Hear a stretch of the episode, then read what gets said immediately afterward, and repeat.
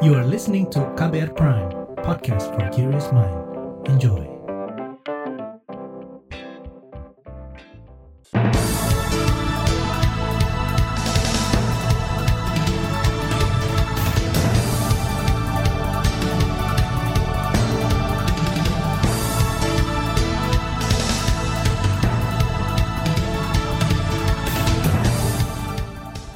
Selamat pagi saudara, senang sekali bisa menjumpai Anda kembali melalui program Buletin Pagi edisi Rabu 20 Juli 2022. Saya Malika, sejumlah informasi pilihan telah kami siapkan di antaranya, pemerintah diminta audit keselamatan jalan raya. Hari ini Polri sampaikan hasil otopsi Brigadir J. Karhutla di Aceh capai 32 hektar. Inilah Buletin Pagi selengkapnya. Terbaru di Buletin Pagi. Saudara Polda Metro Jaya menetapkan sopir dan kernet truk tangki BBM Pertamina sebagai tersangka dalam kecelakaan maut di Cibubur Senin lalu. Insiden di Jalan Raya Alternatif Transyogi Cibubur, Kota Bekasi itu menewaskan 10 orang. Juru bicara Polda Metro Jaya, Endra Zulpan, mengatakan kepolisian kini masih mendalami penyebab kecelakaan. Dugaan sementara akibat penyebab kejadian ini adalah adanya rem blong. Tetapi tentunya pihak daripada Direktur Kualitas Polda Metro Jaya, kemudian juga dibantu dari Korantas Polri akan melakukan olah TKP yang lebih mendalam dengan menurunkan tim TAA agar menemukan penyebab yang konkret akibat kejadian yang sangat kita sesalkan ini. Dalam kecelakaan itu, truk tangki Pertamina menabrak dua mobil dan 10 sepeda motor. Insiden terjadi di jalanan dengan kontur menurun dan terdapat lampu lalu lintas. Beberapa saksi menyebut saat itu tengah menyala lampu merah sehingga sejumlah kendaraan berhenti. Namun naas, truk justru melaju hingga menabrak pengendara lain. Komite Nasional Keselamatan Transportasi KNKT memastikan bakal melakukan proses investigasi secara menyeluruh terkait kecelakaan ini. Senior investigator KNKT Ahmad Wilda. Tadi kami sudah meninjau lapangan dan melihat mengambil beberapa keterangan juga. Untuk sementara semua keterangan ini sifatnya masih kualitatif ya. Katakanlah jalan menurun, kalau jalan menurun kita kan harus tahu slopnya berapa, panjang landai kritisnya berapa. Kalau kendaraan remnya blong kita harus juga periksa dan sebagainya. Nah, untuk saat ini kita belum memperoleh apa info yang akurat, yang kuantitatif yang bisa menjelaskan sesuatu. Senior investigator KNKT Ahmad Wilda mengatakan bakal mengamati dan menganalisis semua faktor yang berkaitan dengan kecelakaan tersebut, termasuk keberadaan fasilitas pendukung jalan seperti lampu lalu lintas. Kata dia proses investigasi bisa memakan waktu sampai dua hari. Sementara itu kalangan parlemen meminta pemerintah mengevaluasi dan mengaudit ruas jalan guna mengurangi risiko terjadinya kecelakaan lalu lintas. Itu disampaikan anggota Komisi Transportasi DPR Sudewo merespon kecelakaan maut di Cibubur. Direktorat Perhubungan Darat itu harus melakukan satu audit terhadap geometrik jalan. Jadi geometrik jalan yang tidak memenuhi kriteria, tetapi karena memang kondisi alam yang tidak memungkinkan untuk dilakukan perubahan desain secara sempurna, secara ideal, maka perlu diberi fasilitas keselamatan jalan yang memadai. Anggota Komisi Transportasi DPR Sudewo mengatakan harus ada evaluasi menyeluruh terhadap penanda lalu lintas penunjang.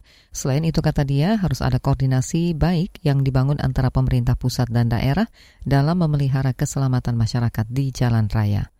Pengamat transportasi Joko Setiowarno belum bisa memastikan seberapa, seberapa besar pengaruh penempatan rambu lalu lintas dalam kecelakaan tersebut.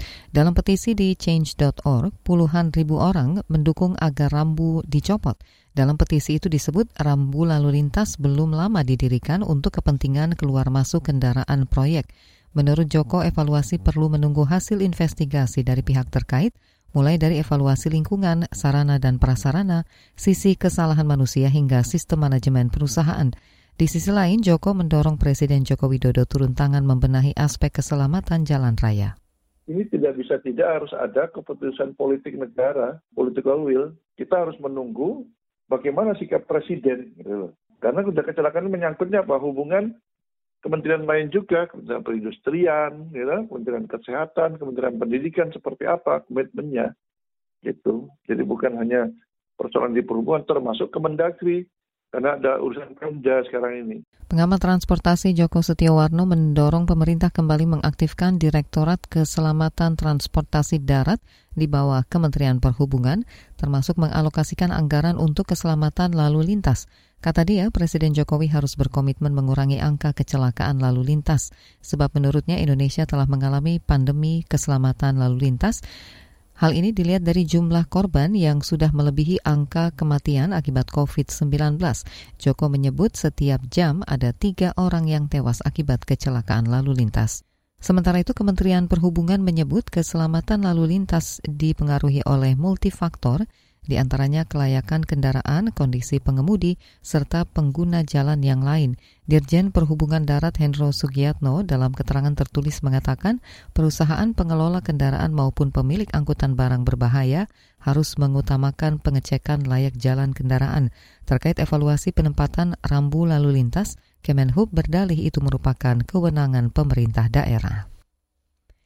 Saudara, hari ini polisi akan menyampaikan hasil otopsi Brigadir J. Tetaplah di Buletin Pagi KBR.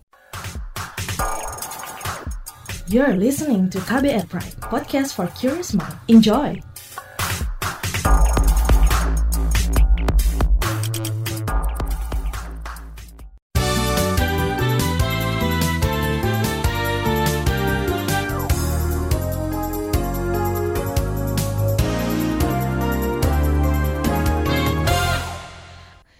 Presiden Joko Widodo membahas berbagai kerjasama bilateral dengan Presiden Republik Demokratik Timor Leste Jose Manuel Ramos Horta.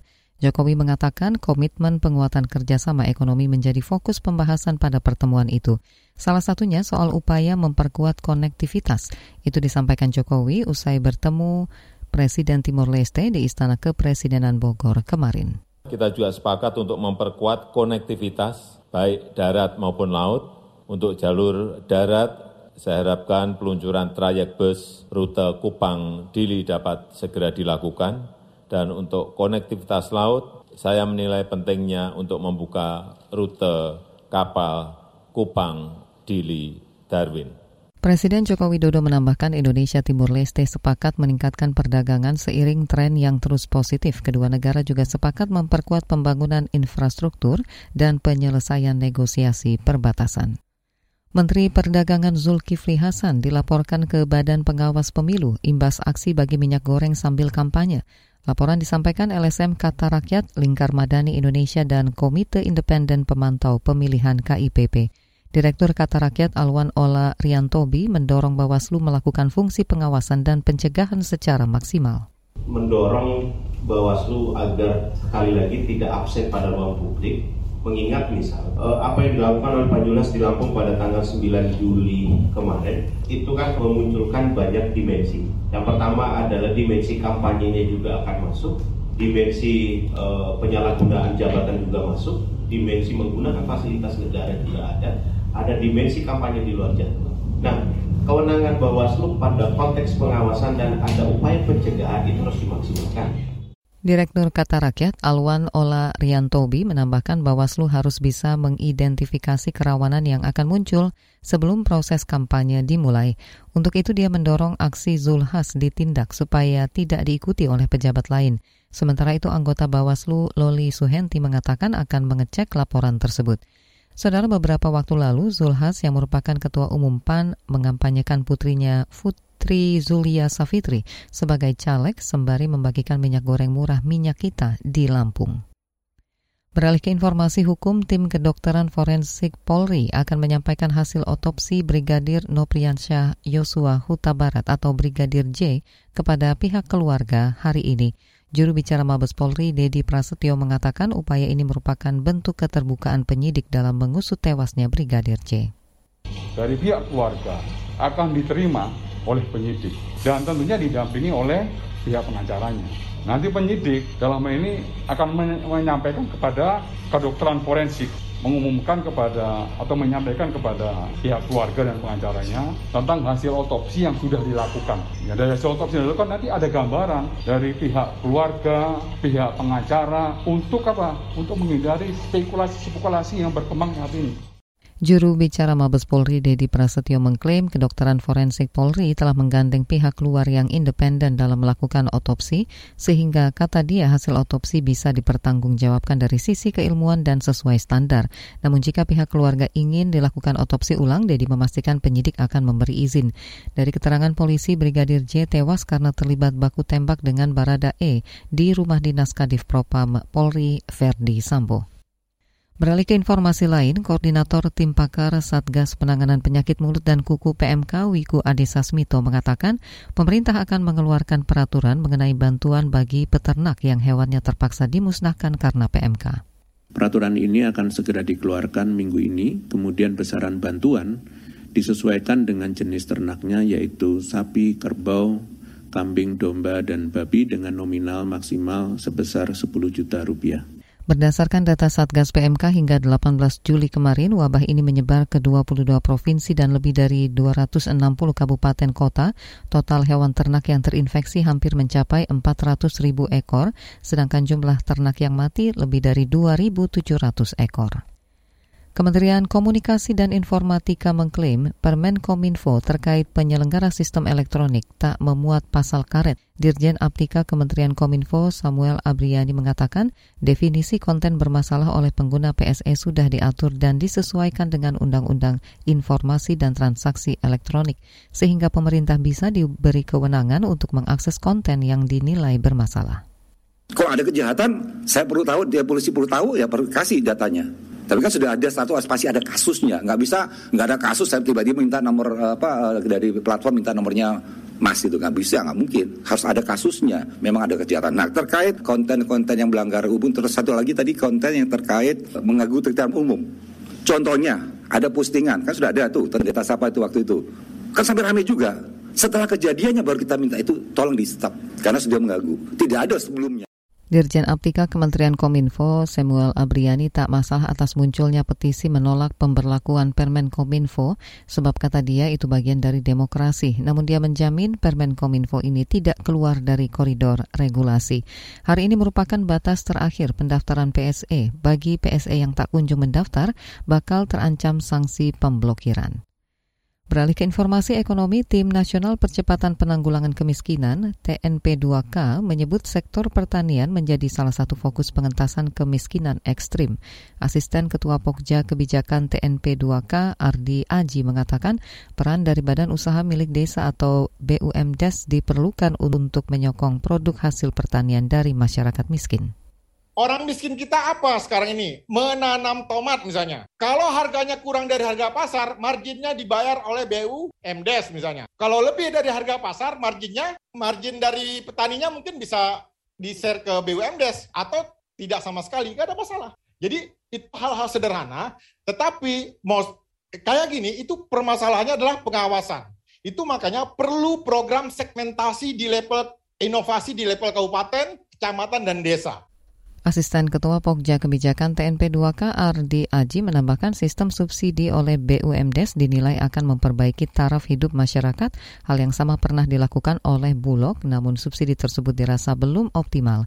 Sebelumnya, Kepala Staf Kepresidenan Muldoko menyebut potensi di desa seperti pertanian dan pariwisata bisa dikembangkan untuk mengurangi kemiskinan ekstrim. Kita ke informasi mancanegara, lebih dari 1.100 orang tewas akibat gelombang panas yang menerjang Spanyol dan Portugal dalam beberapa hari ini. Dilansir dari CNN, Kementerian Kesehatan Spanyol melaporkan 500-an warga tewas karena cuaca panas sejak 10 hingga 18 Juli. Sementara pejabat Portugal mencatat sekitar 650 orang mati akibat cuaca panas itu. Sementara itu jutaan orang di Inggris memilih tinggal di rumah selama peringatan suhu panas ekstrim pertama di negara itu. Dilansir dari VOA, peringatan cuaca yang sangat panas itu mencakup sebagian besar Inggris dan akan berlangsung hingga Selasa. Suhu bisa mencapai 40 derajat Celcius dan jadi yang pertama dalam sejarah Inggris. Dari dunia olahraga, pemerintah memberi izin Liga 1 Indonesia musim depan digelar mulai 23 Juli hingga April 2023. Kepastian itu didapat usai rapat koordinasi antara PSSI, PT Liga Indonesia Baru, Kementerian Pemuda dan Olahraga, Kementerian Kesehatan, Satgas Penanganan COVID-19 dan Kepolisian kemarin. Dikutip dari antara Menpora Zainuddin Amali mengatakan kick-off Liga 1 sudah sesuai rencana. Dia meminta PSSI dan operator Liga menyiapkan kompetisi secara matang dengan memperhatikan protokol kesehatan. Liga 1 musim depan akan berjalan dengan format kandang tandang. Penonton dapat hadir di stadion. Di bagian berikutnya kami hadirkan laporan khas KBR bertajuk Sengkarut Tata Kelola Pupuk. Petani terdampak ketahanan pangan terancam. Nantikan sesaat lagi. You're listening to KBR Pride, podcast for curious mind. Enjoy!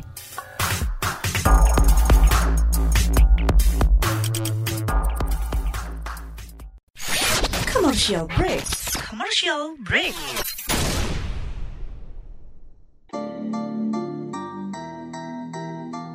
Come on yo, buat yang sukanya berhoax, you better listen to this one. Check this one out yo. Hati-hati kalau baca kabar Hoax. Jangan langsung disebar kabar yang Hoax. Kalau mau tahu kabar benar atau Hoax. Dengerin cek fakta yang pasti bukan Hoax. Dengerinnya setiap Senin yang jelas bukan Hoax. Cuma ada di kbrprime.id.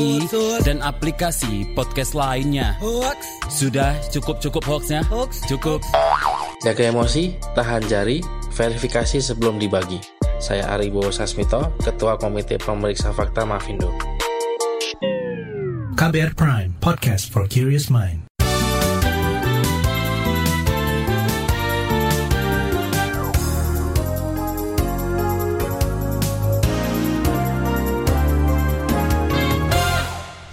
Anda masih bersama kami di Buletin Pagi KBR.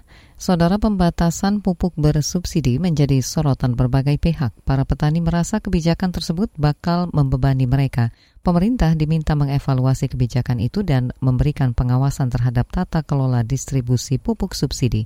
Berikut laporan khas KBR yang disusun jurnalis Heru Hetami dibawakan Reski Mesanto.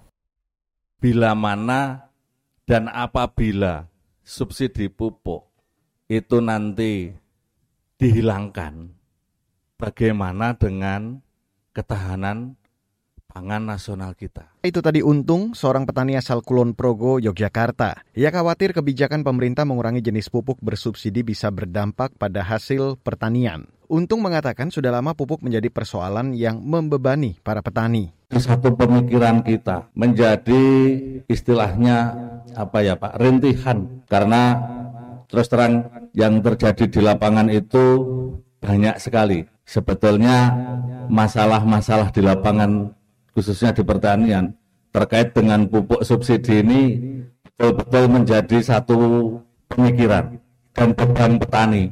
Untung berharap ada titik temu dan solusi terbaik menjawab persoalan pupuk yang tengah dihadapi petani itu. Satu pemikiran kita menjadi istilahnya apa ya Pak, rintihan karena terus terang yang terjadi di lapangan itu banyak sekali. Sebetulnya masalah-masalah di lapangan khususnya di pertanian terkait dengan pupuk subsidi ini betul-betul menjadi satu pemikiran dan beban petani.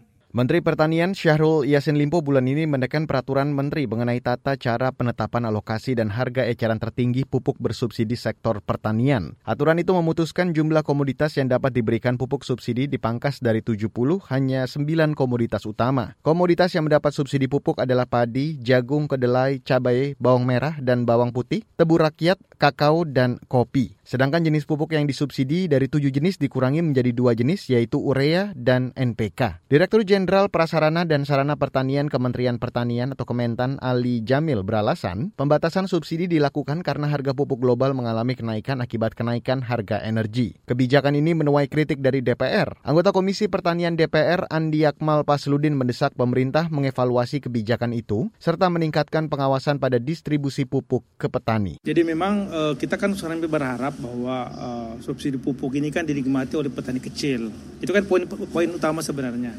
Sehingga kita mengurangi memang uh, apa namanya macam-macam ya komoditas ya dari 70 komoditas sekarang tinggal 9. Yang kedua macam-macam jenis pupuknya. Karena yang menjadi kebutuhan masyarakat di bawah kita lihat itu kan adalah Korea, NPK gitu ya. Ini kan sebenarnya yang uh, sangat dibutuhkan.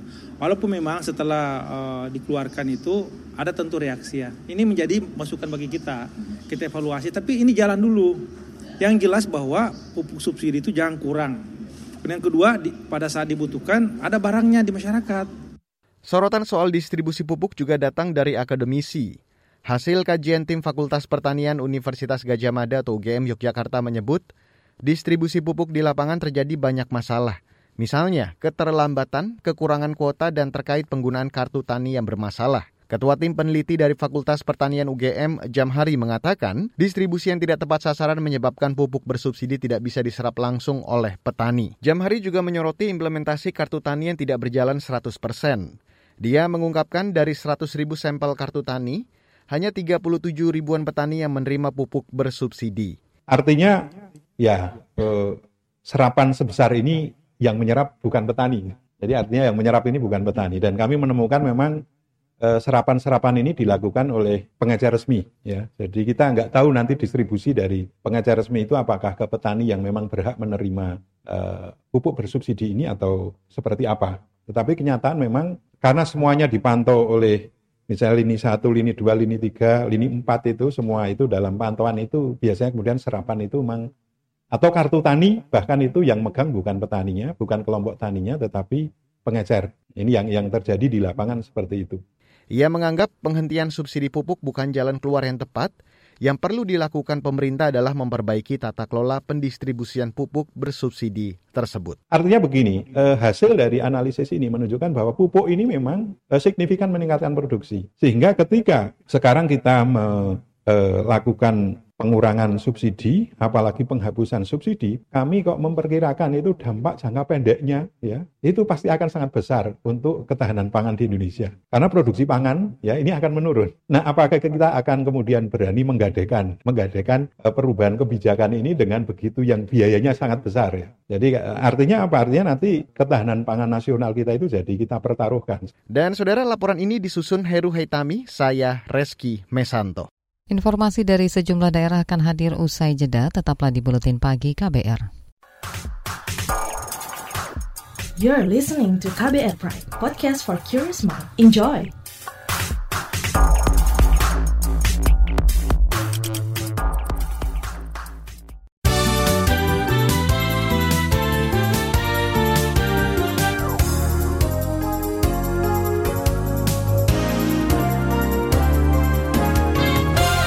Kita sampai di bagian akhir buletin pagi KBR.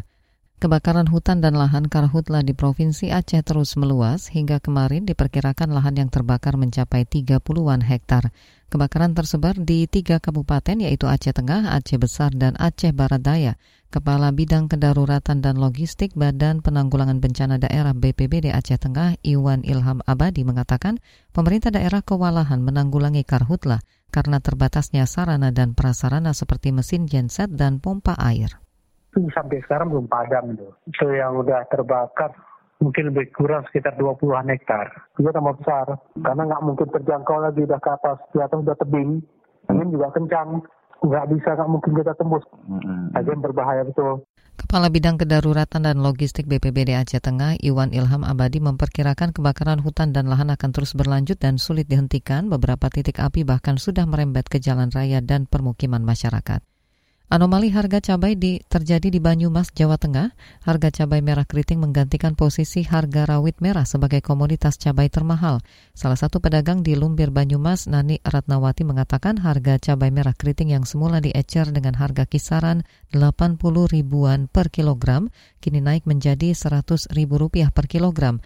Menurutnya kenaikan ini disebabkan oleh lonjakan kebutuhan pada masa hajatan masyarakat, penyebab lainnya adalah minimnya pasokan. Merah itu mengalami penurunan yang cukup lumayan, yang biasanya harga ecernya 98 sampai 100 ribu per kilo. Sekarang jadi harga ecer 75 ribu per kilo. Tapi cabai merah besar, cabai merah keriting itu mengalami kenaikan. Itu tadi pedagang pasar di Banyumas Nani Ratnawati. Jenazah Alan Safitra, pilot pesawat latih yang jatuh di Blora, Jawa Tengah dimakamkan di pemakaman TNI AU di Jati Asih, Bekasi, Jawa Barat kemarin sore. Almarhum sempat disemayamkan di Pangkalan Udara Iswahyu di Madiun. Sebelumnya tim SAR dan dari TNI Angkatan Udara mengevakuasi jasad Alan dan reruntuhan pesawat untuk proses penyelidikan. Kecelakaan terjadi saat Alan tengah menjalankan latihan terbang malam pada Senin kemarin. Juru bicara TNI Angkatan Udara Indan Gilang Buldansyah mengatakan Alan merupakan salah satu penerbang terbaik TNI AU. Dia memiliki lebih dari 800 jam terbang yang mayoritas digunakan untuk menerbangkan pesawat T-501 Golden Eagle seperti yang jatuh di Blora. Informasi tadi menutup jumpa kita di Buletin Pagi hari ini. Pantau juga informasi terbaru melalui kabar baru, situs kbr.id, Twitter kami di akun @beritaKBR, serta podcast di alamat kbrprime.id. Saya Malika, bersama tim yang bertugas undur diri, salam.